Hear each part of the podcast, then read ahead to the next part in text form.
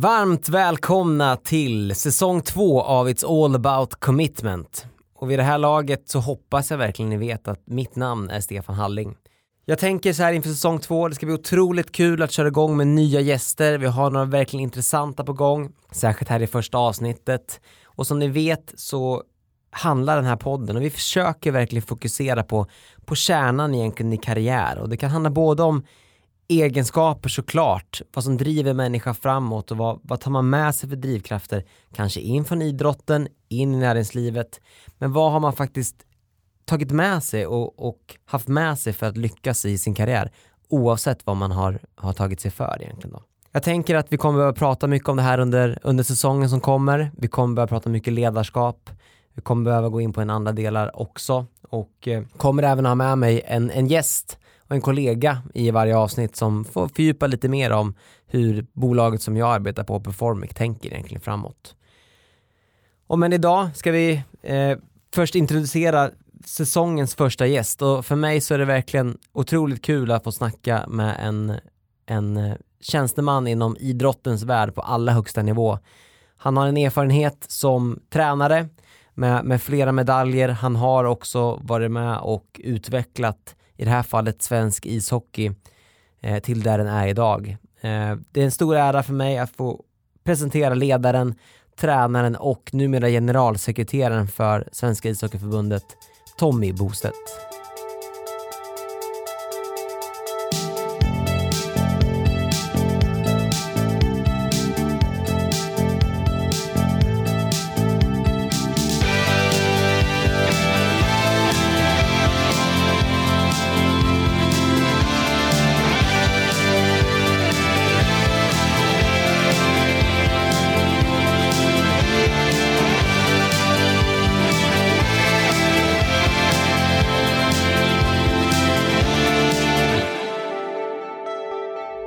Tommy Bostedt är generalsekreterare och VD för Svenska ishockeyförbundet. Han är 60 år gammal och familjen består av fru, barn och barnbarn. Tommy har en civilekonomutbildning och är också utbildad elittränare inom ishockey. Hans barndomsidol är Björn Borg och i bagaget har han både OS-guld, VM-guld, SM-guld och junior-VM-guld. Och han kan filea en abborre. Varmt välkommen till It's All About Commitment, Tommy Bostedt. Tack så mycket. Kul att ha dig här. Ja, det ska bli spännande det här. Ja, är du van att podda? Jag tackar nej till det mesta av det, men jag har givetvis varit med i en del poddar tidigare, olika intervjusituationer, så att jag, jag känner mig inte speciellt obekväm. Ja, men vad skönt. Och extra fjäder i hatten för mig då, att du tackar ja till den här om inte annat. Ja, så kan man ju också se det. det.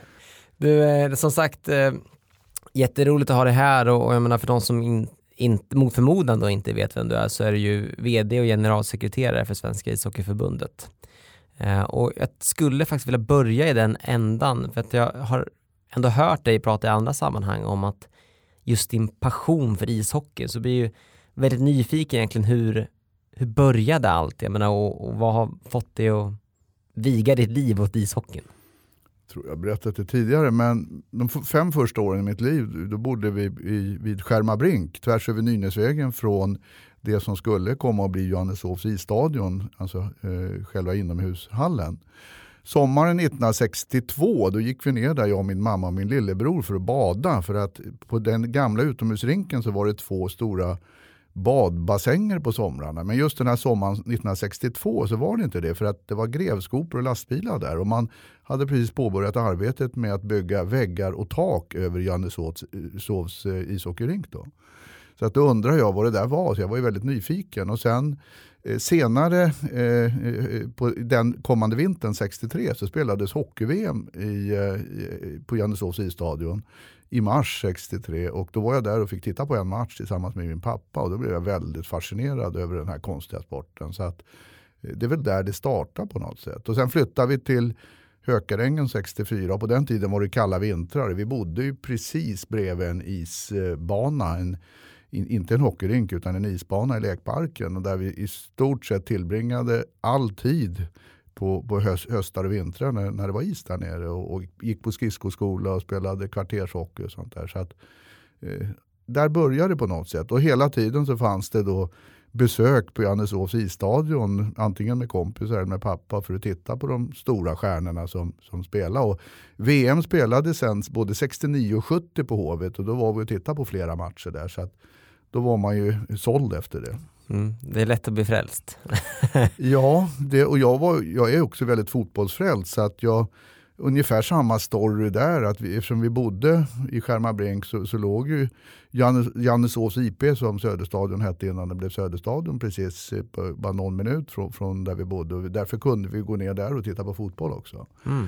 Så att, och sen eftersom vi bodde i Hökarängen så var det lätt att åka till både Johanneshovs isstadion och eh, ja, Söderstadion. Då. Så att det blev mycket hockey på, på vintrarna på Hovet och eh, mycket fotboll på Söderstadion på sommarhalvåret. Då. Ja, det låter som en bra blandning i alla fall. Eh, får jag säga. Och, jag menar, du har ju en otroligt meriterad karriär får man ändå säga med både SM-guld med, med Djurgården. Ehm, du har ju varit med som, som tränare både i JVM-guld och, och, du har varit med och vunnit OS-guld. Det får mig att vara nyfiken för många år inom hockeyns tjänst. Vad, vad skulle det ha varit om, eller vad hade du jobbat om du inte hade varit inom hockeyn?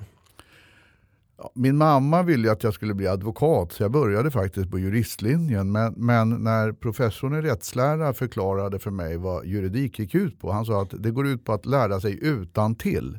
Om jag ringer eh, eh, eh, kandidaten mitt i natten och, och ber, ber kandidaten räkna upp påvelängden baklänges hoppa över var tredje så ska ni kunna det som ett rinnande vatten. Och då tänkte jag att juridik är ingenting för mig för att jag, jag är inte riktigt den typen som sitter och bara matar in grejer och, och, och repeterar. Så att då bytte jag och började plugga ekonomi istället och, och eh, var väldigt intresserad av nationalekonomi. Så att just i den vevan hade jag en plan på, på att, att, gå vidare inom nationalekonomin. Men samtidigt så var jag hela tiden, eh, eh jag spelade ju lite hockey, sen var jag också ungdomstränare och juniortränare Eh, eh, under den här studietiden. Och sen, sen fick jag chansen att bli seniortränare så att, och sen var jag fast i det. Vad skulle du säga då? Vad, om du får nämna ett ögonblick, i, det kanske är svårt med, med ögonblicken, men en, en del av din, din hockeykarriär som har varit extra viktig för dig, kan du? Kan ja, jo, men det, det, det, det, det slår mig direkt. Eh, eh 90 säsongen 82-83 så tränade jag Hammarbys juniorlag och för första gången så vann vi juniorallsvenskan. Och eh, i stort sett eh, innan den avgörande matchen så fick jag frågan av Hammarbys ordförande som hette Sivert Svärling på den tiden, legendarisk idrottsledare bland annat i Sverige och, och i, givetvis i Stockholm, om jag ville ta över A-laget säsongen efter. Och det var precis samma, samma tidpunkt som jag var klar med mina studier. Så det blev väldigt avgörande. Hade han inte frågat mig det så hade jag nog börjat jobba med, med någonting eller eh, pluggat vidare med någon forskarinriktning eller någonting. Så att, men då blev det liksom hockey. Så det, Sivert avgjorde väldigt mycket eh, min framtid. Och jag har sagt det till honom många gånger. Han lev, lever fortfarande och, och eh, hänger med bra och så vidare. Så att eh, eh det, hans eh, fråga och, och, mitt svar det, det är avgörande till att jag sitter här hos dig idag. Vad, vad, tror du Sivert såg i dig då som ledare? Att han, att han faktiskt ställde frågan? Ja, dels var det väl att han kände min pappa som satt i Hammarbys styrelse och, och, och hade jobbat med ungdomshockeyn länge. Så att jag hade ju lite krattat på det sättet genom pappa och att min bror var i motsats till mig en väldigt skicklig ishockeyspelare. Så att eh, Sivert kände ju vår familj också som ordförande. Och, eh, jag hade ju varit med i Hammarby så länge, både som ungdomsledare och juniorledare. Så att det var ju nästan naturligt när man hade ett av de bästa juniorlagen man någonsin har haft att, att lyfta upp juniortränaren till A-laget. Så jag tror att det var resultatet just den säsongen han, han såg väldigt mycket. Plus att jag var ju rätt ihärdig också och eh, pratade ofta med Sivert. Så att han, han kom väl nästan inte undan det, att ställa den här frågan. Ja, det, och det låter som en bra egenskap att ha. Jag menar, vet du, du nämnde också envishet, att det, det är en, en styrka hos dig. Annat. Och, men vad, vad tror du liksom själva, om man bortser från det du just berättar, själva ledarskapet, det, vad, vad, vad, tror du att han såg i dig? Eller vad, vad, tycker du själv att du har haft som, som ledare i, oavsett vilka roller det är du har haft i hockeyn? På gott och ont så sa ju du envishet och det, jag tror att eh, eh, alltså är man envis då har man ju oftast en linje, man har en röd tråd som man följer i sitt sätt att arbeta. Man ändras inte från dag till dag och svänger hit och dit. Så jag tycker just envisheten där och, och sen att jag är väldigt nyfiken också och eh, hela tiden eh, vill lära mig saker och ting och lära mig nytt och spe speciellt sånt som intresserar mig. Då. Inte liksom att jag vill lära mig allting, ny teknik och sådär. Det är jag inte intresserad av. Men, men allt som har med, med, med ishockey och organisationen av ishockey, träningen av ishockeyspelare, taktiken inom ishockey, fysiologin inom is, eller för ishockeyspelare och så vidare. Och jag varit väldigt nyfiken på och det, det tror jag har varit en, en stor fördel för, för, för, min del. Då. Okej, så nyfikenhet, envishet. Eh, även personer som har, har de här två egenskaperna det känns det som att det inte är riktigt givet att man ändå liksom tar, tar de kliv som du har haft och de framgångarna du har tagit som ledare med just de så stora meriter som du faktiskt har, har genom alla åren egentligen. Då. Och, så vad skulle du säga där och vad, vad är det för egenskaper du har haft med dig från början som faktiskt gjort att du ändå tagit dig ända till toppen får man väl faktiskt säga, både idag som, som tjänsteman men också som tränare då?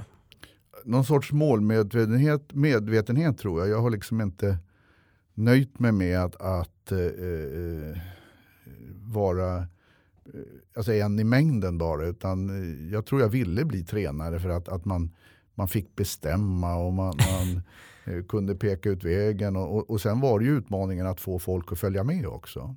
Så jag tror att det intresserade mig, alltså det här med, med ledarskap. Då, det, det tyckte jag var, var spännande tidigt.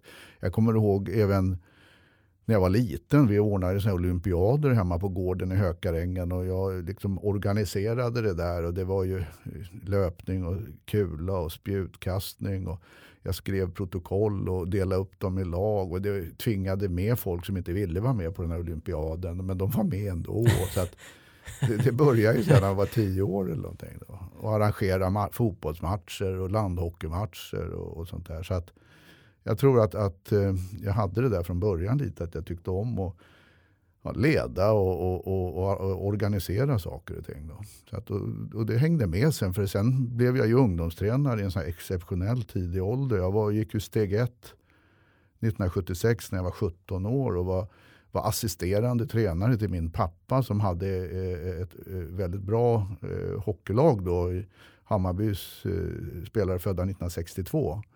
Eh, som var, vi var ju bäst i Sverige och jag eh, fick ju då prova på mina tidigare då, erfarenheter från att arrangera olympiader i Hökarängen till, till att bli, bli lite organisatör kring träningar och matchning och sånt där. Pappa gav mig ett, stora tyglar eller eh, ett stort svängrum då att, att, att jobba med. dem. Så att jag tror det betydde mycket också.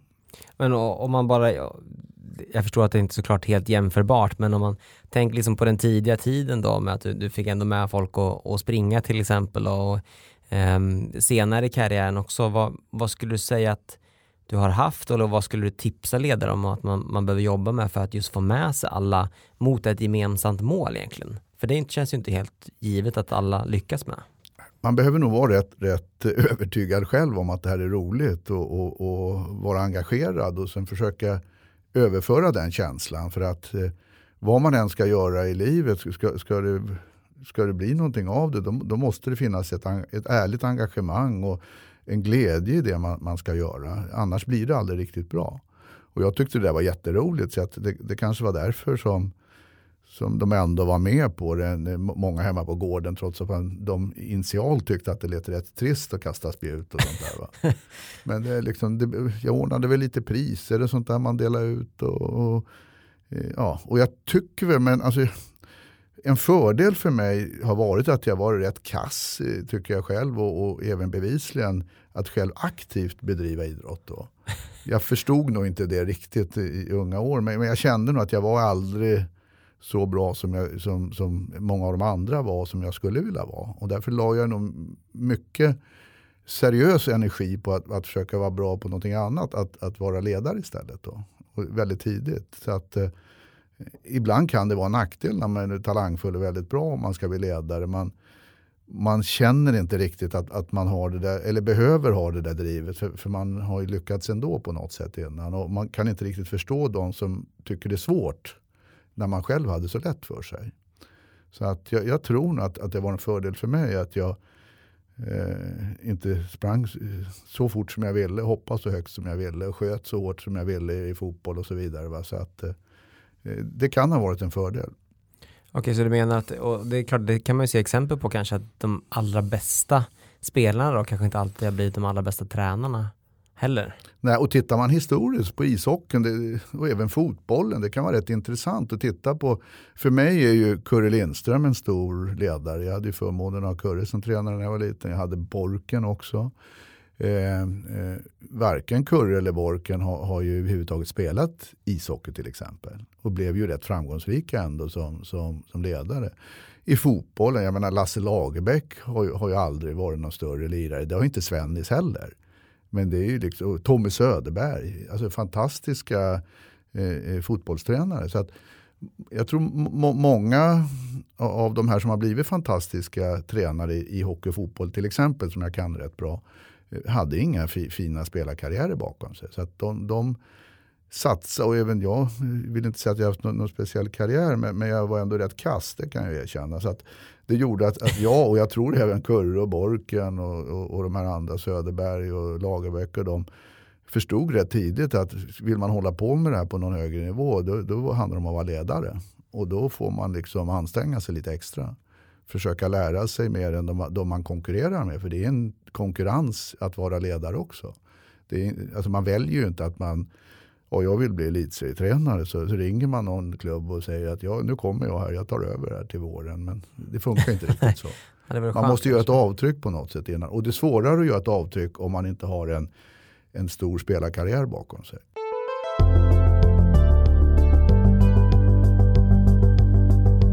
It's all about commitment är tillbaka för säsong två och eh, som, som ni kanske redan vet så är det ju ett bolag som heter Performix som står bakom den här podden och väldigt glad att ha min kollega på plats här idag eh, från just Performic, Karl-Henrik Monsén. Eh, Karl-Henrik, kan du berätta lite om vad Performic gör och vad din roll är på företaget också? Absolut. Eh, min roll är som eh, kontorschef i eh, Stockholm och Performic är ju ett bolag som rekryterar personal med idrottsbakgrund. Okej, bemanning och rekrytering och vad, vad, vad är Performic för, hur ser bolaget ut om man säger så då? Ja, vi, vi grundades för tio år sedan, eh, 2010 och eh, vi har vuxit starkt sedan dess och eh, vi har nu eh, flera olika kontor runt om i landet då, eh, där jag som sagt ansvarar för Stockholmskontoret. Eh, vi finns i Göteborg, Malmö, Örebro, Uppsala och även ett eh, till kontor i, i Stockholm då, som heter Performic Sjöstaden. Härligt. Och, och, din roll på, på kontoret då? Kontorschef säger du, ja, precis. Ja, men min eh, roll går ju ut på att eh, leda eh, Stockholmskontoret eh, framåt eh, och det handlar ju om att i allt ifrån det dagliga operativa till att sätta strategier och, och leda intressanta projekt både på intäkt och, och kostnadssidan. Då. och sitter ju med i ledningsgruppen nationellt så att det inte bara eh, lokala eh, frågor utan det är också att eh, i det stora hela vara med och påverka eh, och eh, se till att eh, Performic fortsätter att växa i den takt vi har gjort. Vilket är otroligt spännande resa vi har gjort och har framför oss. Då. Härligt Karl-Henrik. Tack så jättemycket för en första inblick i Performic. Men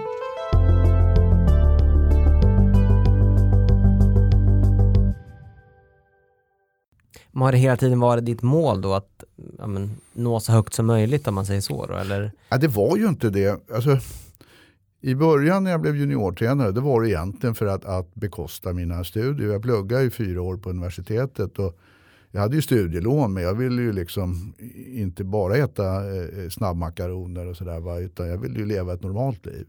Och då var det en fördel att, att vara juniortränare i fyra år samtidigt och, och få en liten eh, slant för det.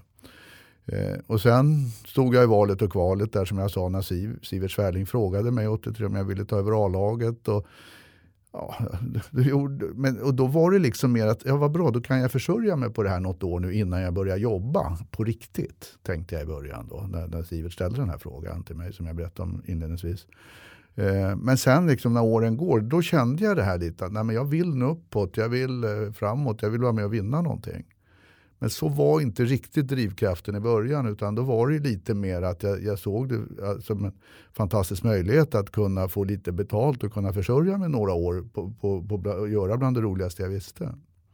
Men sen det där suddades ut lite så att det blev mer och mer ambition i det hela. Och nu är det ju på något sätt, om man Se att man har kommit till resans slut, nu, nu är det liksom, den ambitionen finns inte riktigt längre. Det, det kan jag erkänna. Att nu, nu, handlar det mer om att försöka göra det så bra som möjligt i det dagliga. Då. Inte att ta sig vidare, för det finns som ingen, jag kan inte ta mig någonstans riktigt nu i, i den här åldern heller.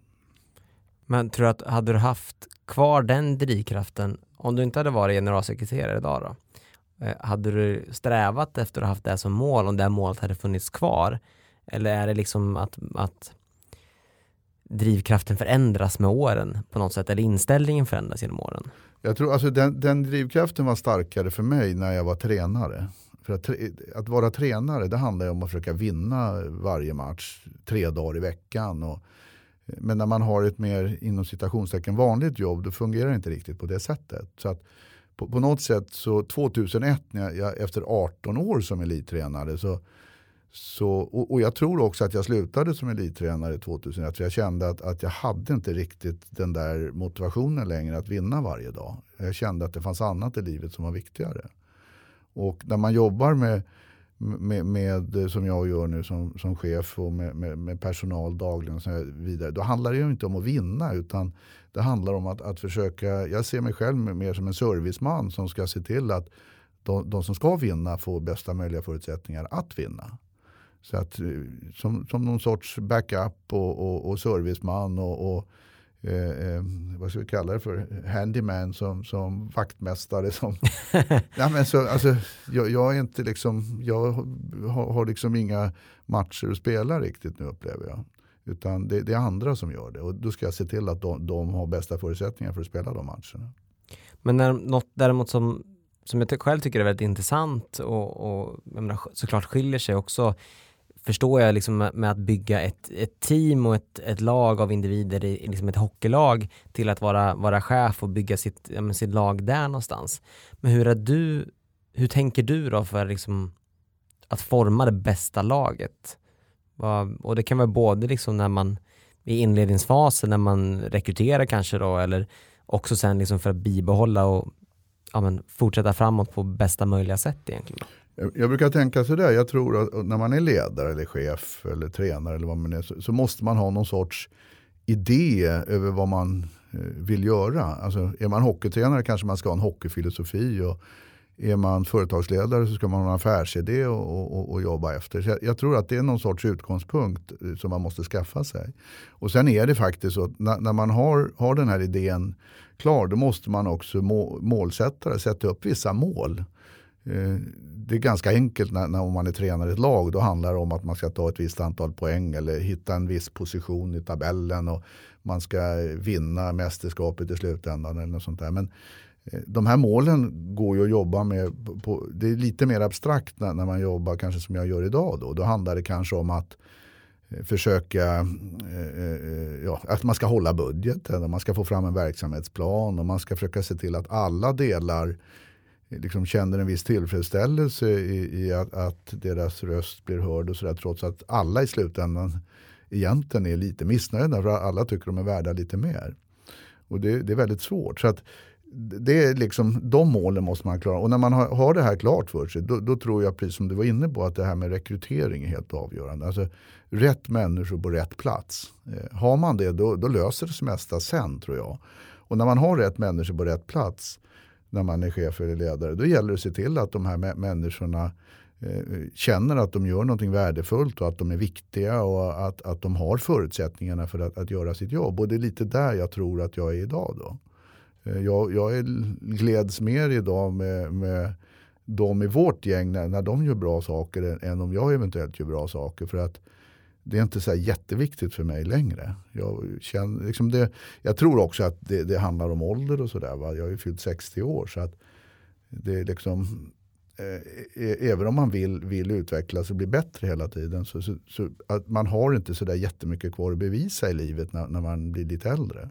Oavsett vad man har gjort tidigare eh, så, så tror jag att det är lite så. så, att, så, så jag, jag, tror det här med, med att ha en, en idé, en affärsidé en, eller vad, nu, en, vad man vill göra. Sen att sätta målen för, eh, efter det och sen att rekrytera rätt människor. Sen att stötta de här människorna.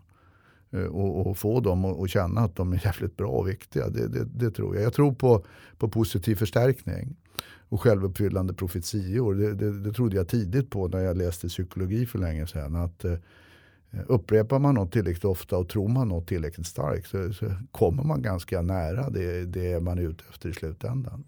Och jag tycker du är inne på något väldigt bra där om man tänker liksom utifrån ett teamperspektiv. Jag själv möter ganska många organisationer ute i näringslivet som jag kanske tycker missar det här lite ibland. Alltså att just att du, du har ändå teamtänket, att alla ska vara med utifrån rätt värdegrund, eh, rätt målsättningar så att alla är med på vart vi ska någonstans, men sedan man hjälper till att staka ut vägen. Och det tycker jag kanske inte riktigt alla har inte det här på plats. Alltså man utgår från liksom utmaningarna som man, man står inför framåt. Um, vad är din bild? Um, tycker du att det kan du uppleva att det skiljer sig, liksom, ja, nu är det idrottsförbund kontra liksom företagande. Har, har, du någon uppfattning om det? Jag tror överhuvudtaget, både när det gäller förbund och, och företag och så vidare, att, att man pratar mer om värdegrund och, och så här för att, att det är politiskt korrekt att göra det än att, att få, få verkstad i det. Jag, jag tror att det viktigaste är att det, det, ska vara så enkelt som möjligt saker och ting. Hellre göra rätt i, i, i, det, i det lilla än att, att man pratar för mycket om i, i det stora och så att det liksom inte blir greppbart för människor. Jag upplever att vi är lite där, där idag. Vi pratar, I Sverige vi pratar väldigt mycket men, men det blir liksom inte så mycket gjort. Och det, det, har jag aldrig riktigt trott på. Jag, jag, tror att den där enkelheten i allting är helt avgörande. Hur kan det se ut då, eh, utifrån din kontext? Ja, men alltså det, det, det är ju så vanligt nu att man, man viftar med pamfletter. Man, man, har, liksom, vi har eh, tagit fram en värdegrund och så har man haft någon, någon konsult och sen så, så är det liksom 38 sidor som, som ingen inom organisationen riktigt vet och förstår. och så använder man ord som hälften av de som jobbar där inte förstår vad det står. För att det ser ju bra ut. Liksom, va? Det är bra att vifta med när, så fort det, det och, och, det är inte liksom något ärligt menat egentligen. Det kommer inte inifrån. Utan det är något som man gör för att det, det, det är ungefär som att man tvättar sig och rakar sig och kammar sig så att ta tar på sig snygga kläder för att det ska se bra ut. Och jag, jag, tror inte på det där. Jag, jag, tror att det ska komma inifrån och det, det ska liksom vara ärligt menat och det, och det ska vara enkelt. Så att, och, och, då behöver inte det alltså man behöver inte använda så konstiga uttryck och svåra ord som bara för att, att det finns massa andra experter som ska vara med och bedöma det där för att det ska låta väldigt bra. Då. Jag tror att, eh, och tycker att vi, vi är lite för mycket där i Sverige idag. Så att, eh, jag tror den där klokheten, enkelheten som jag, jag är uppväxt med på 60 och 70-talet, det, det, saknar jag lite idag faktiskt. Att, att det, där det fanns klara värderingar och, och, och, och, och så såg man till att, att man följde det här. Det var inte så komplicerat. Och, och man, man, man, föräldrarna tog ansvar och, och, och, var inte mina föräldrar i, när, i närheten då var det någon annan förälder som tog ansvar och sa åt den. Och man, man tog av sig mössan och bad om ursäkt om man gjorde fel. Och, eh, och, och Eh, lärarna var en auktoritet i skolan så att man kunde inte härja hur som helst där. Även om jag är uppväxt i Hökarängen med mycket ligister och gangster så, så höll de sig ganska lugna i plugget ändå. Så att, och, och sen kom man till fotbollen och hockeyn och då, då lyssnade man på, på ledarna där. Och, så att, och det byggde allt det här med, med föräldrars äh, ins, äh, auktoritet och lärarnas auktoritet och, och, och, och, ledarnas auktoritet på ett bra sätt. Inte det här med att, att de gapade och skrek åt henne. Men att, att de var ganska bestämda och hade enkla regler att följa. Då ble, byggde det en värdegrund. Liksom. Så, och jag tycker liksom hela samhället var det, det, är lätt när man blir äldre att säga att det var bättre förr. Men just när det gäller sådana här saker så upplever jag att det var bättre förr. Det, alltså det var en, en starkare, alltså värdegrunden satt starkare i människor än vad det gör idag. Även fast det pratas mycket mer om det idag än det gjorde då. Då var det verkstad, nu är det mer snack. Absolut, och jag kan väl, jag menar, bara, bara för att ta båda dina punkter där, så jag, jag kan verkligen köpa resonemanget om att jag menar, man, man kanske utåt eh, förmedlar i alla fall och kommunicerar viss typ av värderingar men inte alltid efterföljs eller är förankrat i organisationen. Eh, för min egen del ska jag tycka att där har ju idrotten gett mig jättemycket. Nu kommer jag från handbollens värld, men där var det också, man satte upp en viss typ av spelregler och, och stakade ut resan med hjälp av mål. Vad, vad, man själv behöver nå upp men också vad vi tillsammans som lag ska, ska sträva efter. Och det tycker jag att det, det tar, man, tar jag, för jag med mig väldigt mycket liksom in i, i dagens arbete egentligen. Då.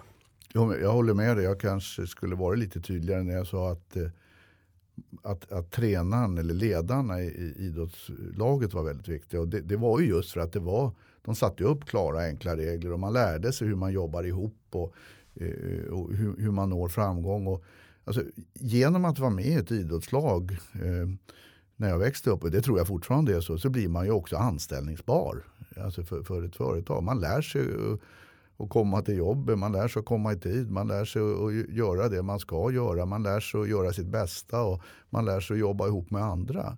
Så att det är ju så att de som har en idrottsbakgrund är ju mer, oftast i alla fall, mer anställningsbara än de som inte har det.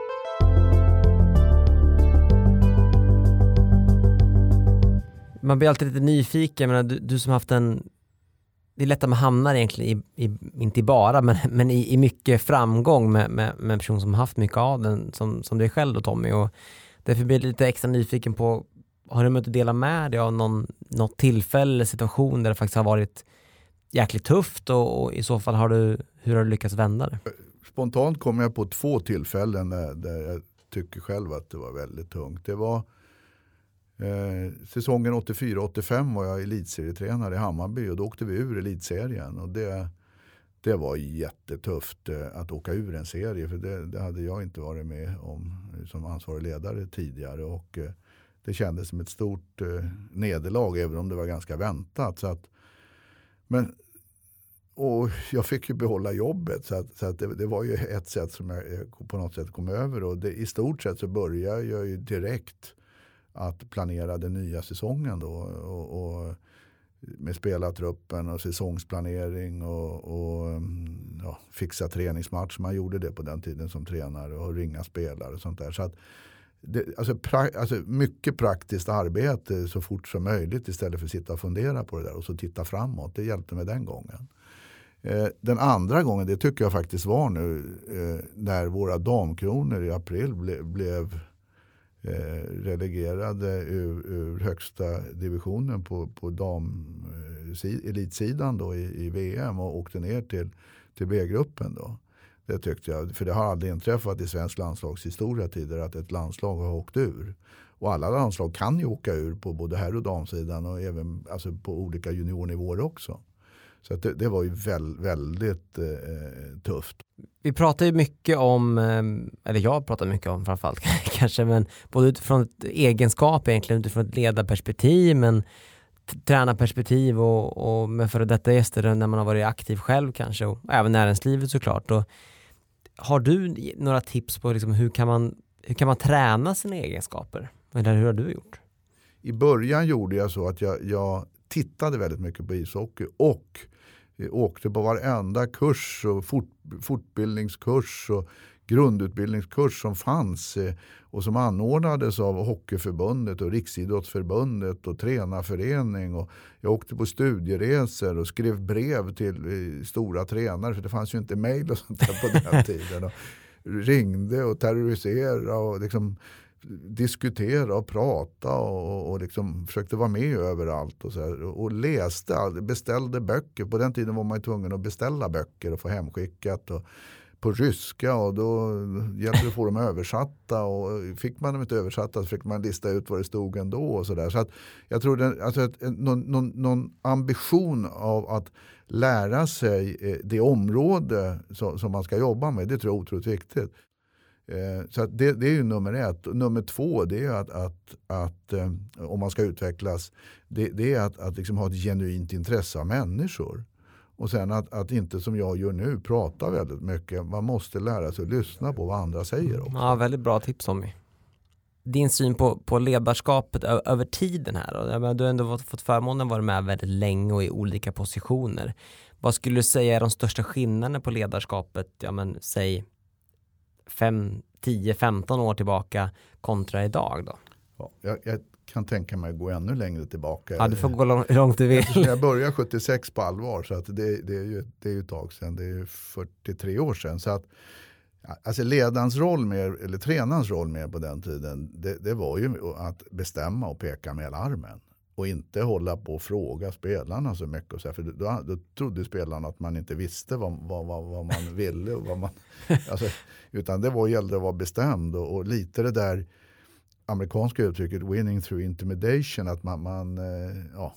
Och det är därför fortfarande lever ju där kvar lite med sportjournalister och liknande. De tror ju att om man har spelat en dålig halvlek eller en dålig period och så kommer man ut i nästa period och spelar bättre. Då tror de att spelarna har fått en riktig utskällning. Mm. Att det är det som har gjort susen. Så att, och det, det, trodde jag i början också. Jag trodde man var tvungen. Jag var inte arg men jag kände att jag måste elda upp mig så jag kan gå in och skälla lite. För det, måste, det ska man göra. Så att, och, och, det var ju det den tidens spelare behövde och ville ha. För de visste inget annat. Att med det ledarskapet kliva in i ett omklädningsrum idag. Då tror jag inte man överlever mycket längre än en vecka. Så att det, I Sverige alltså. Mm. I Sverige är väldigt annorlunda. Vi jobbar internationellt. så att ju, eh, alltså Många länder jobbar med det ledarskapet fortfarande som vi hade för 40 år sedan. Så att idag måste man vara mer resonerande och, och förklarande och, med spelarna och eh, eh, alltså jobba mer, mer pedagogiskt. Det är inte säkert att, att man får bättre prestationer på det sättet. Men människan idag är ju på det sättet att det är omöjligt att bedriva det där gammalmod, gam, gammalmodiga ledarskapet idag. Så jag tycker den utvecklingen har skett mycket. Alltså från ett mer bestämmande, det här är det jag som bestämmer ledarskap till ett mer resonerande ledarskap idag. Och det, jag tycker det är bra. Så att, eh, jag, jag tror inte på att, att det ska vara på något annat sätt. Men eh, jag tror inte det här ledarskapet vi har idag skulle ha funkat för 40 år sedan. Så där har vi utvecklats, så där har det blivit bättre. Um, jag tror de flesta ändå har varit med och sett här liksom en, en, jag vill inte kalla det tuff start, men i alla fall en start på, på eh, hösten här efter semestern med, med det som har skrivits om, om damkronorna och liknande. Um, kontexten till det, har du möjlighet att ge oss någon form av inblick i liksom hur diskussionen har gått här utifrån att damkronorna strejkar här och, och inte kommer spela um, kommande landskamp? Alltså de spelade inte den, lands, eller den, den landskampen som, som var planerad i mm. augusti-september, det är korrekt. Nej, det är ju på det sättet att eh, Svenska Åkförbundet har ju tecknat avtal med de olika ligaorganisationerna i Sverige. SHL, alltså herrarnas högsta liga, eh, har vi ett avtal där vi upplåter de kommersiella rättigheterna. Och där är ju värdet ganska stort. Eh, motprestationen från SHL det är att tillhandahålla spelare till de olika landslagen. Vi har lik, lik, likartat med hockeyallsvenskan. Eh, för att eh, där är det ju många landslagsspelare fast på juniornivå då. Eh, eh och där har också upplåtit de kommersiella rättigheterna. Och sen har vi ett nyskrivet avtal med den högsta damligan, SDHL, som undertecknades i våras. Där vi upplåter de kommersiella rättigheterna mot att SDHL-klubbarna ska tillhandahålla landslagsspelare till verksamheten. Och eh, tillhandahålla, det, det låter ju lite sådär eh, eh suspekt kan man ju tycka. Men, men då är det ju så att, att eh, klubbarna är ju arbetsgivare för spelarna. Och i det här ansvaret då att, att tillhandahålla spelare så innebär det ju att betala ersättningar och försäkra spelarna och sånt där. Eh, det är inget problem på SHL och Hockeyallsvenska eh, sidan för där har vi lång, alltså till lång tid tillbaka har vi avtal. Men avtalet med STHL är ju nytt. Så att, eh, eh, och där eh, är det så att, att våran roll där just nu det är att, att försöka eh, få alla att förstå hur det här fungerar. Och det kan man ju säga då att, att där har vi ju misslyckats med, med att kommunicera och förklara det här tillräckligt tydligt. Och det svåraste som finns det är ju nästan kommunikation. Och de flesta eh, alltså konflikter och när man är oense beror ju på bristande kommunikation. När, när man sätter sig ner, det är som hemma om man är osams om någonting med ungarna eller med, med frun eller med mannen. Eller någonting. Så att, pratar man bara ordentligt med varandra brukar man reda ut saker och ting. Och vi är väl där just nu att, att vi håller på att diskutera det. För att, och då är problemet, vi är ju flera parter. Alltså det är Hockeyförbundet givetvis och det är spelarna. Det är spelarnas fackförbund. De är nyligen eh, eh organiserade i SIKO då, som är ett sorts fackförbund kan man säga för hockeyspelare. Och, och bara sedan ett halvår tillbaka ungefär. Och Det tycker vi är väldigt bra för då får man en samtalspart. Men sen har vi då STHL centralorganisation och sen har vi STHL-klubbarna också. Så vi är ju många parter i det här. Så att, och, och att, att, få ihop alla de här och, och, och eh, i samtal och jämka ihop det här, det är det vi håller på med just nu. Och det, det vi, där var vi inte för en månad sedan ungefär. Så att när alla här nu liksom till sist förstår sina roller och, Eh, och alla hjälps åt och bjuda till och sådär, då, då, kommer det här att lösa sig. Mm, och många bitar och jag förstår att ni är i en förhandlingssituation och, och eh, vi hoppas att det, det såklart löser sig på bästa sätt eh, så snart som möjligt egentligen. Men om man tar det vidare då, det är svårt för dig kanske att prata för idrotten generellt, men om man pratar jämlikhet i, i idrott generellt och framförallt då Svenska Hockeyförbundet, kan du, kan du dela med dig någonting då om vad, finns det några utsatta mål framöver för liksom att få en, en högre grad av jämställdhet i, i, i hockeyns värld i alla fall, eller hur jobbar förbundet med dem? Inte annat? Alltså från, från förbundets sida så är det glasklart. Vi, vi behandlar och ska behandla alla spelare lika oavsett om det är män eller kvinnor. Men då är ju problemet att alla kan ju notera att, att, att tjejer tjänar ju mycket sämre än killar. Men då är vi inte, vi är inte arbetsgivare så att, så att vi betalar ju inga ersättningar överhuvudtaget. Så att eh, för att, att nå eh, ordent, alltså ordentligt långt i, i jämställdhetstänket så måste vi givetvis behandla alla lika när det gäller resor och planering och allt sånt där. Det är som inget snack om saken. Men sen när det gäller ersättningar så, så behöver ju klubbarna stärka ekonomin på damsidan för att kunna betala bättre ersättningar. Och då är det egentligen det det handlar om, det är det kommersiella värdet. Det fler människor måste gå och titta på, på damligan. Alltså man, man kan inte, tycker jag, eh, säga att man är för jämställdhet och ge sig in i debatten. Sen bryr man sig inte om att gå och stötta damhockeyn och lösa entrébiljetter. Titta, det är bästa sättet att stötta damhockeyn. Så, så, att det kommer publik. För att det, det är så väldigt mycket då med, med, när man räknar på, på de här kommersiella värdena så handlar det om hur många människor som är intresserade. Och då tror jag i vårt fall när det gäller ishockeyn, tack vare att man nu från SDHLs sida har lyckats få till ett väldigt bra tv-avtal så kommer man att stärka det kommersiella värdet. För att då plötsligt kommer ju folk att upptäcka att det här är rätt kul. Och eh, jag vet många andra idrotter som är väldigt avundsjuka på, alltså på damsidan på SDHL idag som, som har fått till det här avtalet. För det är inte så många idrotter i Sverige som, som kommer att ha den täckningen tv-mässigt som SDHL kommer att ha den här säsongen. Ja, många bitar att eh, eh, ta tag i framöver såklart också. Eh, egentligen, eh, vi är snart i hamn, men egentligen en avslutande fråga bara. Och det här kommer från ganska säkra källor skulle jag säga. Eh, att eh, jag, eh, det är någon som har viskat till mig att du, det händer att du är en dålig förlorare. Ja, nej men det, det är ju det, kanske inte idag på det sättet, men de där 18 åren som elittränare, då var jag på gränsen till, till, till sjukligt dålig förlorare. Och eh, det hade jag nog i mig innan också. Men eftersom jag inte personligen är inblandad så mycket i tävlingar idag så har det där avtagit lite. Va? Och jag har fått barnbarn och det finns annat som är viktigt. Men jag undviker att, att tävla för mycket. För de tävlingar jag ger mig in i, de försöker jag alltid vinna. Ja, det, det, det, stämmer det där att jag är en sjukligt dålig förlorare, eller har varit i alla fall. Jag tycker jag har blivit mycket bättre nu än jag var förr. Så att, eh, det går åt rätt håll tror jag. Ja, skönt. Jag känner fler så att, du, är inte, du är inte ensam i alla fall. Men, eh, Tommy, jag tycker att eh, jättetrevligt att få ha dig här och jag tycker det blir ett väldigt bra samtal. Med, vi hann behandla många olika delar eh, i hockeyns och idrottens värld och vill eh, rikta ett stort tack till dig för att du ville vara med i It's All About Commitment. Tack så mycket, det var trevligt att vara här. Fint samtal.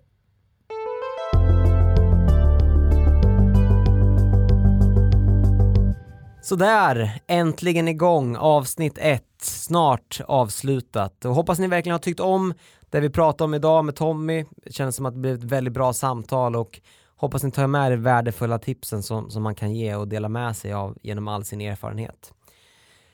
Feedback på podden, jättegärna till mig, connecta med mig på LinkedIn, får jättegärna höra vad ni tycker om avsnittet och om podden. Och framförallt, har ni några frågor ni vill lyfta upp i podden inför kommande gäster, ja men hör av er. Jag finns där ute. Som vanligt, gillar ni det ni hör, in på iTunes, ge oss en rating eller en review. Och jag kunde inte göra det här utan vår eminenta producent Store of You, så tack så jättemycket och vi hörs snart igen i ett nytt avsnitt.